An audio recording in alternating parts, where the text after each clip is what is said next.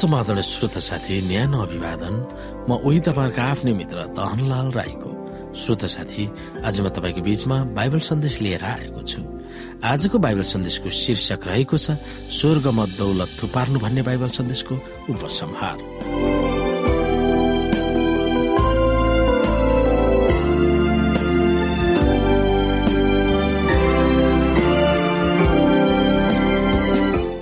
श्रोत साथी परमेश्वरले अब्राहमलाई आशिष दिनु भएर करारको आफ्ना भाग पूरा गर्नुभएको थियो। अब्राहमले यस संसारमा धन सम्पत्ति थुपारेर आफ्नै सहर निर्माण गरी शासक वर्गमा नपरी जसरी परमेश्वरको सम्मान गर्न पुगेका थिए। जुन सम्पत्ति वा जायजात आफ्ना जनहरूलाई परमेश्वरले प्रतिज्ञा गर्नुभएको थियो त्यो यस संसारमा थिएन। यस पृथ्वीमा आफ्नै जग्गा भन्ने थिएन। तिनलाई त्यस ठाउँमा जायजात त परै जाओस् पाइला राख्ने ठाउँसम्म पनि दिनु भएन। उनीसँग धेरै धन दौलत त थियो तर परमेश्वरको महिमाको निम्ति र अरू मानिसहरूको हितको निम्ति उनले प्रयोग गरेका थिए। र यो संसार उनको घर हो भनेर उनले ठानेनन्। मूर्ति पूजा गर्ने आफ्ना देशका मानिसहरूबाट निस्कन परमेश्वरले उनलाई आह्वान गर्नुभएको थियो। कनान देश उनको निम्ति अनन्तको राज्य हुनेछ भनेर परमेश्वरले प्रतिज्ञा गर्नुभएको थियो तर न त उनले न त उनका छोराले न त उनका नातिले त्यो देशमा रजाइ गर्न पाएका थिए। जब आफ्नो मृत्युको समयमा गाट्ने चिहानको आवश्यक भएको थियो उनले कनानीहरूसँग जग्गा किनेका थिए। प्रतिज्ञा गरिएको देश उनले पाएको भन्दा केवल माघपेलाको गुफामा भएको पत्थरको चिहानमा मात्र थियो। यस संसारमा हामी रहँदा बस्दा हामी धन सम्पत्ति र मोज मजा गर्ने प्रलोभनमा फस्न सक्छौ। हाम्रो चाहनालाई पर्खिरहन बलियो विश्वासलाई व्यवहारमा ल्याउने आवश्यकता हुन्छ।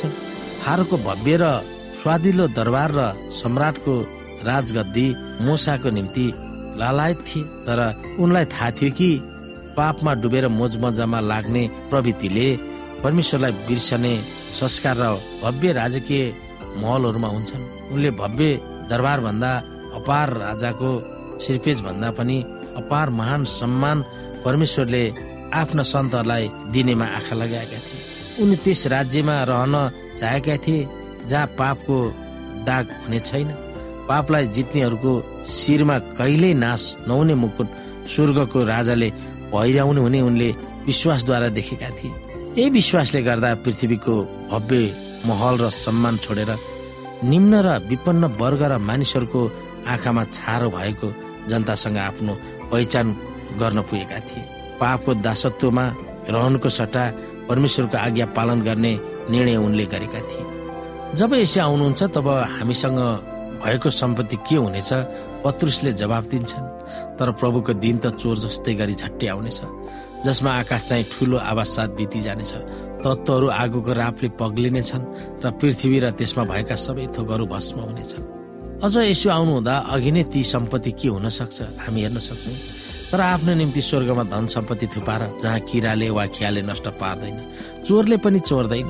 यसकारण जे छ त्यो उचित दृष्टिकोणमै राखिराख्नु जरुरी छ।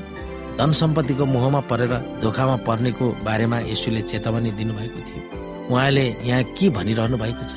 धन सम्पत्तिले हामीलाई कसरी धोका दिन सक्छ? उजाट मरुभूमिमा विद्रोह गर्ने दासहरूको साथ भाग्नुभन्दा मिश्र देशमै रहनु मोसाको निम्ति किन उचित देखिन्छ? हामी चिन्तन मनन गर्न सक्छौँ। आखिरमा उनलाई के भयो जसले गर्दा मिश्र देश नै छोडेर दासहरूको साथमा लाग्न उनले निर्णय गरे।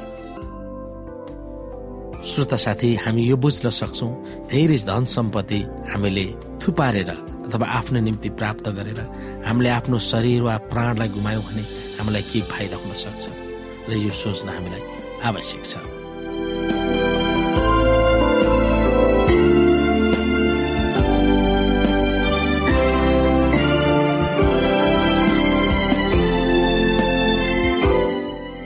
श्रोता साथी आजको लागि बाइबल सन्देश यति नै। म उही तपाईँहरूको मित्र धनलाल बिदा हुन्छु हस्त नमस्ते जय मसिंह।